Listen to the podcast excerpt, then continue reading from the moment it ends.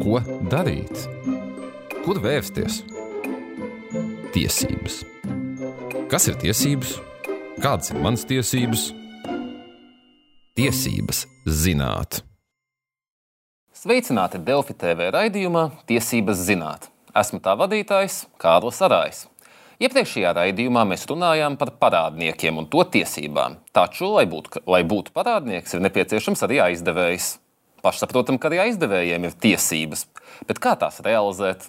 Ko darīt, lai šis aizdevums un parāds ne, nepaliktu mūžībā karājoties gaisā un nauda netiktu atgūta? Par šo un citiem jautājumiem studijā esmu aicinājis Zvērnāta advokāta biroja Kobalta partneri, Zvērnāta advokātu Edgars Loziņu. Sveiks! Labrīt! Labrīt. Jā, nu sākšu ar pavisam vienkāršu jautājumu. Man kāds ir parādā? Ko man darīt?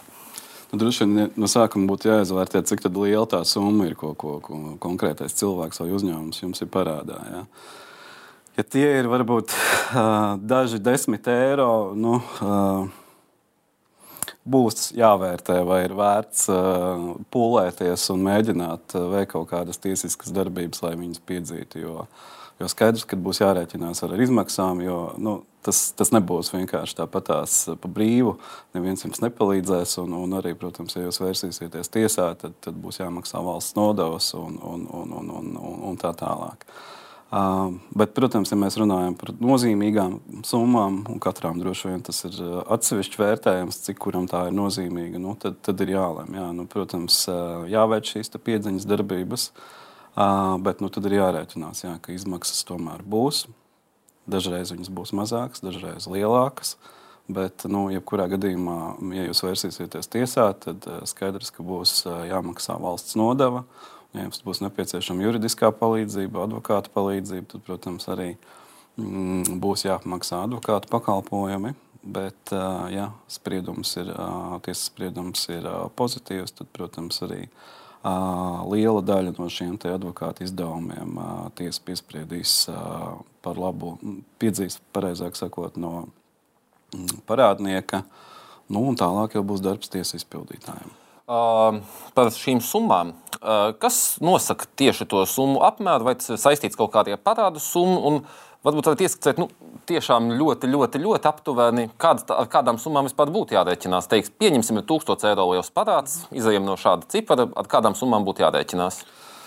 Nu, uh, summas pirmkārt, jā, ja mēs dodamies uz tiesu, tad ir valsts nodeva. Um, valsts nodeva nosakās um, atkarībā no parāda summas. Ja, um, es varbūt precīzi nepateikšu, jo dienā dienā es uz tiesu nedodos. Uh, bet uh, civil procesa likumā ir noteiktas šīs te, mm, summas, nu, tad ir advokāta pakalpojumi. Ja jums ir nepieciešams advokāts uh, un, un, un Teorētiski jūs jau pats arī varat sevi pārstāvēt, bet, bet nu, ieteicams būtu, lai, lai tas būtu tomēr kvalificēts jurists vai advokāts. Ja? Nu, tad ir, katram tam advokātam ir, ir arī sava takse. Ja? Kāda ir riski, ja es iešu bez advokāta? Tas ir mazāk iespēja uzvarēt tiesā, vai, vai nu, kā, mm. kāpēc es nevaru aiziet uz tiesu un pateikt, bet viņš man ir parādā, re, kur taču redzams. Nu, pirmkārt, lai jūs dotos uz tiesu, jums būs jāsagatavo prasības pieteikums. Ja? Nu, uh, var mēģināt, protams, pats to darīt, bet uh, diez vai jums tas izdosies. Ja? Jo, jo skaidrs, ka uh, ir nepieciešams atsaukties, uh, pamatot savu prasību, ir nepieciešams atsaukties uz pareizām likuma normām un galu galā zināt, kā noformēt šo prasības pieteikumu. Um, ja, ja tas nekad dzīvē nav darīts, tad droši vien es jums ieteiktu tomēr uh, doties pie kvalificēta juridiskā palīdzības sniedzēja un vislabāk pie advokāta, protams. Par šiem parādiem runājot, kā mēs vispār varam formulēt to jēdzienu, kas nu, parāds? Tas ir, ka, kurā brīdī tas likuma priekšā kļūst par parādu vispār? Nu, likuma priekšā tas kļūst par parādu tajā brīdī, tad, kad ir pienācis viņa samaksas termiņš. Bet nu, samaksas termiņš viņa, viņš ir noteikts tādā gadījumā kaut kādā līgumā vai kaut kur. Ja? Nu, uh, jā, tas varbūt tā ir tāda plašāka tēma, kā mēs vispār noformējam uh, šos aizdevumus. Jā, tas ir tas, kā es arī cenšamies tagad. jā, tieši tā. Tad uh, stāsts ir tāds, uh, likums uh, neprasa, lai aizdevuma līgums obligāti tiktu noformēts rakstveidā. Uh, ir iespējams noslēgt arī uh, līgumu uh, vienojoties mutiski, Bet um, šeit ir jārēķinās ar problēmām, protams, potenciālām, kas var šādā gadījumā iestāties, ja, ja līgums ir mutiski. Jautājums, kā jūs spēsiet tiesai pierādīt, ka jūs esat aizdevuši šo naudu? Un kā jūs spēsiet pierādīt, ka ir pienācis atmaksas termiņš šai naudai? Uh, iespējams, tie var būt liecinieki, kas ir bijuši klāt, tad, kad jūs esat aizdevuši šo naudu, un ar viņu liecībām pamatot. Bet nu, vienmēr ir vismaz mans ieteikums. Ir, ja jūs aizdodat naudu, protams, mēs nerunājam, varbūt tur, nezinu, aizdod man naudu, divus eiro, man pietrūkst samaksāt par pusdienām. Ja? Bet, ja mēs runājam par nopietniem aizdevumiem, kur jūs sagaidat, ka jums šo naudu tiešām atdos, ja, tad mans ieteikums viennozīmīgi šo darījumu noformēt rakstveidā. Bet tam ir raksturveidā jābūt kaut kā ļoti oficiāli, vai var vienkārši uzrakstīt, Jānis aizdod Pēterim 1000 eiro, paraksta Jānis, paraksta Pēteris, datums šodienas datums, atdošanas termiņš pusgads. Tas ir kā minimums. Tas ir kā minimums. Protams, aizdevuma līgumā ļoti daudz lietas var atrunāt. Jā. Pirmkārt, protams, jā, tas svarīgākais ir aizdevuma atmaksas termiņš. Mm, bet jā, nu, nākamais, protams, ir, vai jūs aizdodat šo naudu par brīvu, kā saka, vai arī tomēr piemērojat kādus procentus. Ja, tad, tad tam arī jābūt ir atrunātam atmaksas grafikam, ja jums ir vienošanās, ka tas tiek pakāpeniski atmaksāts. Un tad, protams, arī Mm, nosacījumi, mm, kas būtu jāievēro, piemēram, kad jums ir tiesības pirms termiņa paprasīt šo atmaksu. Nu, jūs redzat, ka nezinu, cilvēkam ir iestājusies nezinu, kādas mm, grūtības dzīvē, kuras jūs esat konstatējis, konstatējis maksātnespējas procesā vai kaut kas tamlīdzīgs, ja, nu, tad attiecīgi jūs. Jums ir tiesības, ja jūs to paredzat līgumā, tad jums ir tiesības pirms termiņa šo aizdevumu atmaksāt. Šo es tieši biju jautāt. Mm -hmm. Es esmu kādam aizdevis naudu, un es redzu, ka viņš ir nu, uzzinu kaut kā, ka cilvēkam ir eh, sākts maksāt nespējas process. Mm -hmm. Man vispār ir cerības to naudu atgūt, taču maksāt nespēja. Nu, cilvēks nav spējīgs maksāt. nu, maksāt nespēja gluži nenozīmē to, ka cilvēks nav spējīgs maksāt. Uh, varbūt, uh, ja mēs uh, runājam par maksāt nespējas procesiem, tad uh, stāsts ir tāds, ka jā, jums, uh, jūs varat iestāties šajā kreditoru rindā. Jūs, uh, ir, ir mums uh, valstī maksāt nespējas. Uh, procesa reģistrs, kur jūs varat redzēt to, kad, vai konkrētais cilvēks vai arī uzņēmums kļūs maksātnespējīgs, vai viņam ir nozīmēts administrators. Nu, tad, attiecīgi, mm, ja šis maksātnespējas process ir, ir uzsākts, jūs kļūstat par kreditoru. Jums, protams, būtu jāpārliecinās, vai jūs esat iekļauts administratora sastādītajā sarakstā, kreditoru sastādītajā sarakstā. Un, un attiecīgi, šajā situācijā, kas notiek, administrators, ja tas ir uzņēmums, administrators realizē visu uzņēmumu mantu. Nu, un, attiecīgi, ieņēmumi, atskaitot administratora izdevumus un viņam paredzēto atlīdzību, tiek sadalīts starp kreditoriem. Bet, ja tas ir privātpersona? Ja privātpersonā, tad attiecīgi tur ir mazliet citādāks process. Nu, ļoti līdzīgs arī, bet, bet nu, mazliet citādāks. Arī katrā gadījumā ir, ir, ir, tiek iecelts administrators, un ar administratoru palīdzību tiek nonākts pie risinājuma, kā šī nauda tiek faktiski atdot atpakaļ un sadalīt starp kreditoriem. Ja. Protams, visdrīzākais nebūs tā, ka jūs atgūsiet savu aizdevumu simtprocentīgi, bet jums būs jārēķinās ar visiem arī pārējiem kreditoriem. Ja. Un šeit ir arī viens tāds nozīmīgs moments. Jāskatās, kādi ir tie pārējie kreditori. Arī, jo var būt arī tā, ka ir nodrošinātie kreditori. Tas būtu Nu, tas būtu tāda situācija, kad uh, cilvēks ir aizņēmies uh, vai no bankas, vai no kādas citas personas un uh, sniedzis uh, par labu šai personai kādu nodrošinājumu. Vai nu tas ir ieķīlājot savu nekustamo īpašumu, vai arī kustamo mantu, vai arī prasījumu tiesības un tam līdzīgi. Ja? Un šajā situācijā, kas notiksies maksātnespējas procesā, uh, tiks realizēta šī ķīla un šī nauda, kas būs tiks saņemta no ķīlas realizācijas, tiks pilnībā novirzīta mm, nodrošinātajam kreditoram. Bet kāda vispār ir mehānismi šeit parāda atgūšanai? Mēs jau pieskārāmies tiesiskam visam, bet vai tas vienmēr būs vienāds? Piemēram, ja esmu aizdevis nezinu, ģimenes loceklim, vai ja man, piemēram, pircējs nav samaksājis rēķinu, kādi ir šie mehānismi? Vai tas ir tikai es varu vērsties tiesās, vai, vai, vai man ir citi ceļi, vai es pats tur varu iet, nezinu, ar, ar nūju draudēt vai kā? nu, protams, viens variants jūs, jūs, jūs pats to varat darīt, bet, bet mehānismi.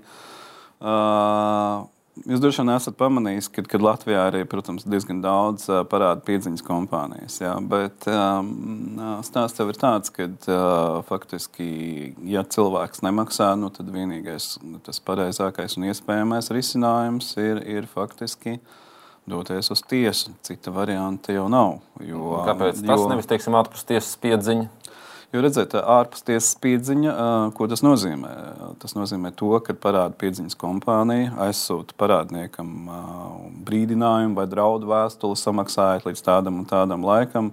Uh, bet jautājums, kas notiek, ja viņš nereaģē uz to un vispār neko nedara? Nu, tad cita varianta jau, godīgi sakot, nav. Parāda piedziņas kompānija nevar doties pie uh, pie mm, parādnieka realizēt viņa mantu un, un, un, un attiecīgi samaksāt jums. Tā tas nenotiek. Realizēt mantu piespiedu kārtā var vienīgais ar tiesas spriedumu. Un tad jau ir jādodas pie tiesas izpildītāja, kurš tad attiecīgi šo parādnieku mantu realizē vai arī uzbloķē parādnieka kontus bankā un tādā veidā veic šo piedziņu. Mm -hmm. Jūs jau pirms tam runājat, ka līgumā ir jāiekļauj procenti un tā, vai valstī ir kaut kāda noteikuma, cik liela procenta, vai es varu, piemēram, uzlikt, es aizdodu Jānim 1000 eiro katru mēnesi, ko neatdod procentu likmi 200%. Nu, tā gluži nevarēs.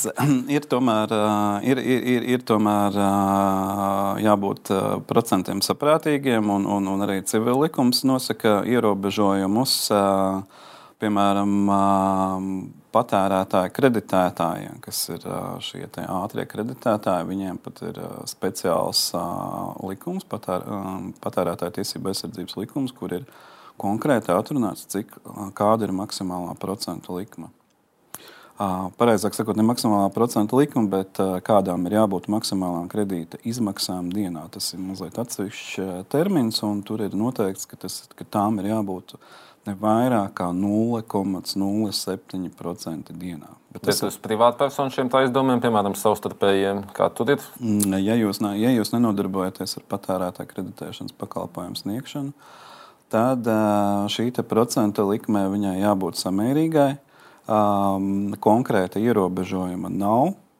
Uh, bet, bet uh, katrā gadījumā droši vien nebūs saprātīgi, ja, jūs, ja tie būs kaut kādi 200%. Ja? Uh, Bet, ja mēs, kā jau teicu, ja mēs runājam par patērētāju kreditēšanas pakalpojumu sniedzēju, tajā skaitā arī bankām, tad viņiem ir speciāls regulējums, kur ir, kurš ir jāievēro obligāti. Jo, ja tas tiek pārkāpts, nu, tad uh, tad, diemžēl, vairāk nevarēs prasīt, kā ir paredzēts. Likumā. Bet es tieši par privātpersonām domāju, tad, eh, kāda man būs saks, ja es uzlikšu, un tas otrs būs parakstījis ar tādiem procentiem. Man tur tiesa tagad teiks, nē, šito mēs neņemam pretī, vai kas? Nu, nu kas? Nu, ties, tiesai būs jāvērtē. Tiesai būs jāvērtē, protams, vai šī procentu likme ir uh, samērīga. Ja? Un vēl viens moments ir tāds, ka uh, nu, tādā pavisam traģiskā gadījumā var nonākt arī līdz situācijai, Mums ir krimināla likumā pants, kas runā par augļošanu.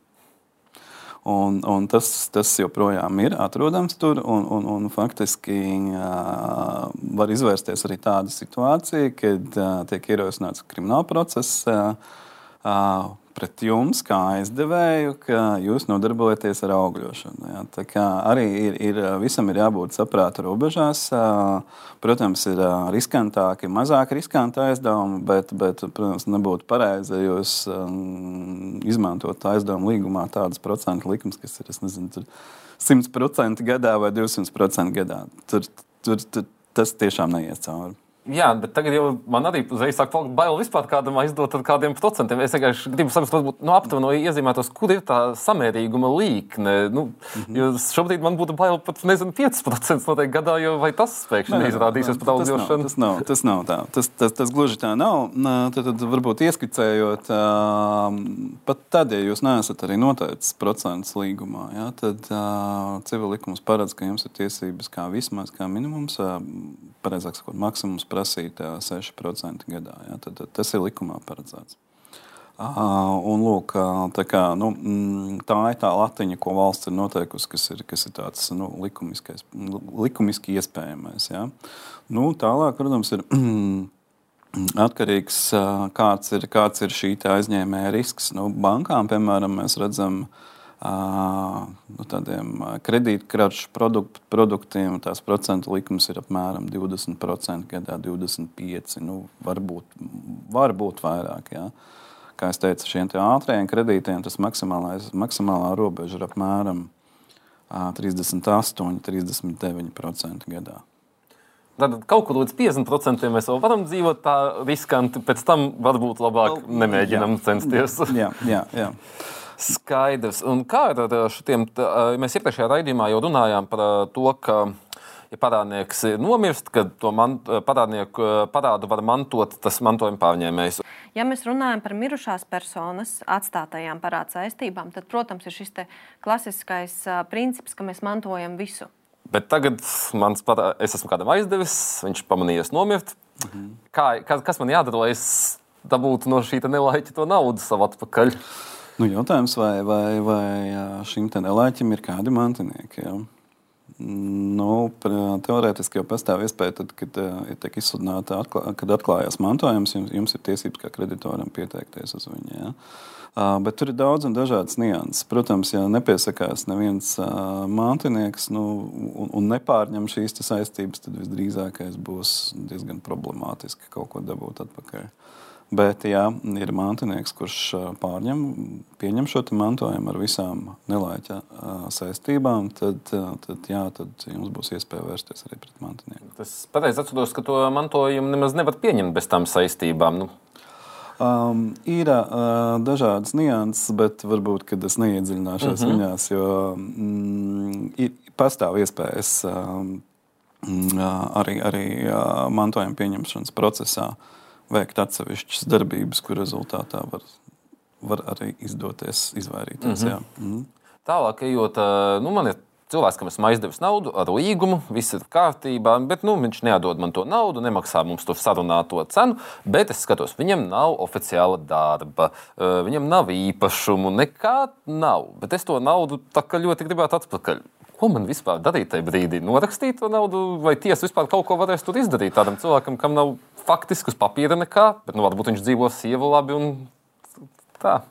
Jā, nu, tā ir dilemma vienmēr, ar ko saskana, saskarās parāda piedziņas procesā. Jo dažreiz, nu, ja jums tiešām tā parāda summa ir, ir liela un, kā es teicu, jums jāgriežas tiesā, jāmaksā valsts nodeva, kas ir atkarīga no šīs parāda summas, jums ir jāmaksā advokātam. Un, ja jūs redzat, ka dienas beigās nebūs vispār no kā piedzīt, ja, tad nu, ir diezgan problemātiski. Bet nu, mans ieteikums varbūt nebūtu mest plinti krūmā, jo nevar jau būt tāda situācija, ka cilvēks.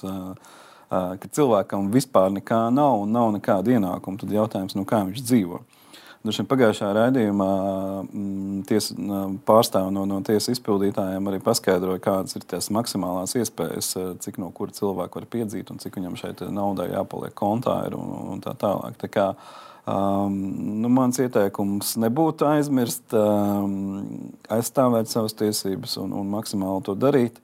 Un, protams, ja ir tiesas spriedums, vērsties pie tiesas izpildītāja, nu, tad vērtēt, cik tur uh, cik ir iespējams piedzīt un cik nav. Nu, kaut ko jau jūs noteikti dabūsiet īsākā vai garākā termiņā. Vai, piemēram, ja mums esam tiesā tajā brīdī, tiesā darāt, jo es varētu kaut kā pierādīt, nezinu, ar lieciniekiem kaut ko, ka viņš aploksnē saņem algu. Man atnāk liecinieks un saka, ah, jā, nezinu, viņš mežā strādā, saņem tur aploksnē lielo naudu. Tad tas tiesā darāt šāda mana paša proaktīva rīcība. Es nezinu, vai tas ir tiesas jautājums vispār. Tiesai, ne, tiesa nevar, tad, kad tiesa lemj par jautājumu par parādu piedziņu, viņa nevērtē. Viņa nevērtē konkrētā cilvēka maksātspēju. Tiesas spriedums būs tāds, piedzīt vai nepiedzīt. Nu, un tālāk jau ir darbs tiesas izpildītājiem. À, no kā tiesa, tad, nu, kā tiesa izlemj piedzīt vai nepiedzīt? Kas, ar ko man jārēķinās tajā brīdī? À, nu, jautājums, vai, kā jūs spējat pierādīt, vai jūs esat šo naudu aizdevis konkrētajam cilvēkam? Un ka šī nauda nav atdota atpakaļ. Jā. Bet, ja es labi, tad tiesa ir nolēmusi aizgājusi lietu pie izpildītāja, es varu iet pie tā izpildītāja un teikt, es zinu, ka viņš saņem aploksni algu, dariet kaut ko. À, nu, jā, tas būs tiesas izpildītājiem jāvērtē, bet, bet katrā gadījumā nu, tādai situācijai nu, nu, vispār aploksņa algām mūsu valstī nav jābūt. Jā. Bet viņas ir un jā, nu, dzīvosim realitātē. Nu, dzīvosim, jā, droši, droši vien, ka tā arī ir, bet, bet, bet fakts, nu, droši vien būs diezgan grūti kaut ko vērsties arī pret šīm aploksņa algām, jo mm, nu, tiesa izpildītājs jau neskries un, un neskatīsies, vai te gadījumā kādā dienā pie cilvēka neparādās kāda aploksnīta. Tas nebūs. Tiesa izpildītājs dosies, skatīsies, vai cilvēkam ir kāds īpašums, kuru var realizēt, vai cilvēkam ir alga, ko viņš saņem kontā. Nu, tad, attiecīgi, rīkosies ar mm, uzmanību, pievērsīs vairāk šiem aktīviem. Mm -hmm. Tad sanāk, ka vienīgi kaut vai emocionāli uzvadu gūt policijā, vērsties par to, ka uzņēmum, kāds uzņēmums izmaksā aploksņa algu. Viennozīmīgi, viennozīmīgi. Jā, ja jūs redzat, kad, kad, kad ir darīšana ar aploksņa algām, tad, tad, tad, protams, mans ieteikums ir doties uz policiju. Un, un, un, un informēt viņus par to. Runājot par policiju, es gribēju, gribēju jautāt, vai kaut kādā brīdī man tas parādās, nu, ka cilvēks man neatdod, jau nevar kļūt arī par kriminālu likumu pārkāpumu kaut kādu. Uh, gluži nē, gluži nē.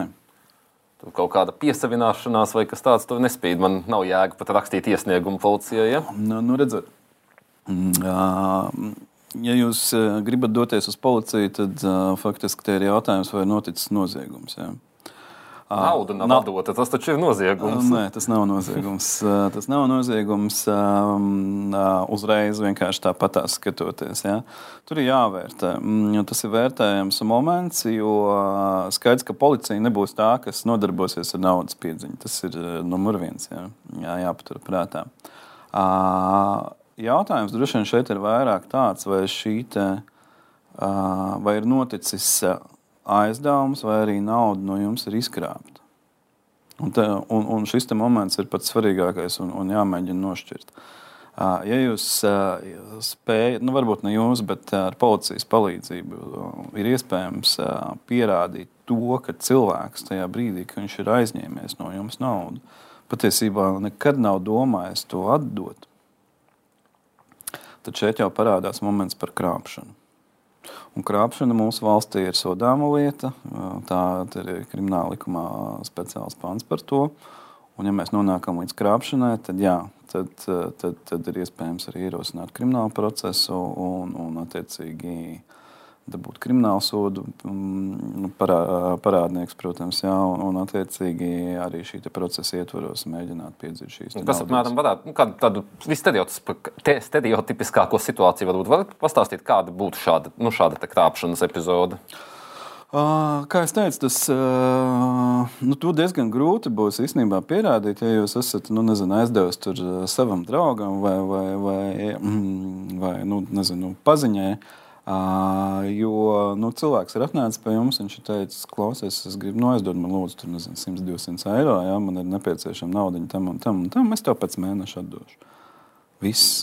Ko jūs varat pierādīt šeit? Es nezinu. Bet, ja, piemēram, cilvēks bet... saka, aizdodiet man tūkstošu, es viņam aizdodu, mēs pat parakstamies, un, bet, un viņš sola, ka es tagad nezinu, nopirkšu sev mājai kaut ko. Patiesībā es redzu, ka viņš ir aizbraucis uz Meksiku, tagad baigi forši padzīvo, pēc diviem mēnešiem atbrauc, bet gails pakaļ nedzied, nav nedod. Tā būtu krāpšana. Ne automātiski, ne automātiski. Jums mm, faktiski, lai pierādītu, ka, bū, ka ir krāpšana notikusies, ir nepieciešams pierādīt, ka tajā brīdī, kad cilvēks ir aizņēmies to naudu, viņš nekad nav domājis to atdot arī. Ja? Nu, jautājums, kā to var pierādīt? Šausmīgi grūti, man liekas, būs. Jā, šā, šis diezgan bēdīgs. Uz, punkts, kā sākt raidījumu noslēgt, bet es noslēgumā vienmēr gribu pajautāt, vai es neesmu kaut ko pajautājis, vai jums ir kaut kas, ko jūs pats gribētu pateikt nu, cilvēkiem, ko vajag zināt, aizdodot naudu, kas ir no jūsu puses, varbūt tāda zelta padomi, zelta kaut kāda novēlējuma un tā. Jā, protams. Nu, viens ir, kad jūs pirmkārt Droši vien būtu jāpie, jānorāda uz, uz to, ka draugiem varbūt nevajag aizdot naudu, ja vien jūs negribat viņu pazaudēt. Ja, tas, ir, tas ir vairāk tāds uh, emocionāls jautājums. Uh, bet, ja mēs runājam par juridiskām lietām, tad um, ļoti svarīgi, kā jau teicu, šo te darījumu noformēt rakstveidā. Un, uh, ir, ir, ir dažādi instrumenti patiesībā, kā to darīt. Viens ir, protams, jūs vienkārši parakstat uh, nezinu, uz vienas lapiņas. Uh, es, es Jānis aizdevu Pēterim 100 eiro. Pēters atdos man šo, šos 100 eiro pēc uh, gada, maksājot procentus uh, tik un tik uh, mēnesī vai, vai līdz ar summas atdošanu. Tas ir viens variants. Jūs, protams, varat sastādīt garā, nu, aizdevumu līgumu, um, atrunājot visas šīs pašas lietas. Bet vēl viens tāds instruments, kas ir diezgan labs, bet nav populārs mums valstī, jo tas regulējums nāk no 30. gadiem. Tas ir veksels. Tas ir vekselis, un, un faktiski, ko nozīmē vekselis? Viņš ir specifiski jāsastāda specifiskā formā. Pašiem diezgan grūti to būs izdarīt, tāpēc nu, būs, būs nepieciešama kvalificēta palīdzība. Būs jāsamaksā arī valsts nodeva bankā par, par, par konkrēto summu, ko jūs aizdodat.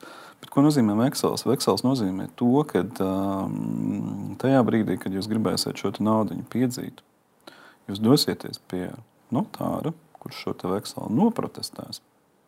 Un, attiecīgi, caur tiesu jūs varēsiet ļoti ātri šo piedziņu arī realizēt. Jums nebūs jāiet garās šis process, kur jūs sniedzat tiesā prasības pieteikumu un tiek nozīmēta tiesas sēde, ja, tiek pieņemts spriedums.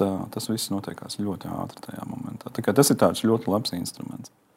Vēl viena lieta, kas ir svarīga, ja runājat, ja mēs runājam par nopietnu summu aizdošanu, tad tas ir nodrošinājums. Un, uh, nodrošinājuma veidi mums Latvijā ir daudz un dažādi. Uh, viens ir uh, hipotēkas nodibināšana uz nekustamo īpašumu, uh, komercķīlu nodibināšana uz kustamo mantu, tajā skaitā automašīnām, uh, kas arī ir uh, diezgan labs uh, nodrošinājuma veids. Uh, nu, un, protams, arī ir trešo personu galvojuma un garantijas. Ja, Šos instrumentus ir ieteikums izmantot, jo tajā brīdī, ja jūs nespēsiet šo te, um, parādu piedzīt vienkārši tāpatās, tad jums būs iespēja vērsties uh, pret konkrētu to nekustamo īpašumu, kas ir ieķīlāts, realizēt to ar, ar tiesu izpildītāju starpību, vai arī pārdot automašīnu, vai arī nu, sliktākajā gadījumā, ja arī kāda trešā persona sniegus galvojumu, tad arī vērsties pie viņas. Nekā. Tas ir tāds labs instruments, kuru vajadzētu paturēt mm, prātā, ja mēs runājam par lielāku summu aizdošanu. Tieši tāpat kā bankā. Skaidrs. Teikšu jums lielu paldies par sarunu. Un skatītāji, tiekamies jau pēc divām nedēļām. Un atceramies, mums visiem ir tiesības zināt savas tiesības. Visu labu!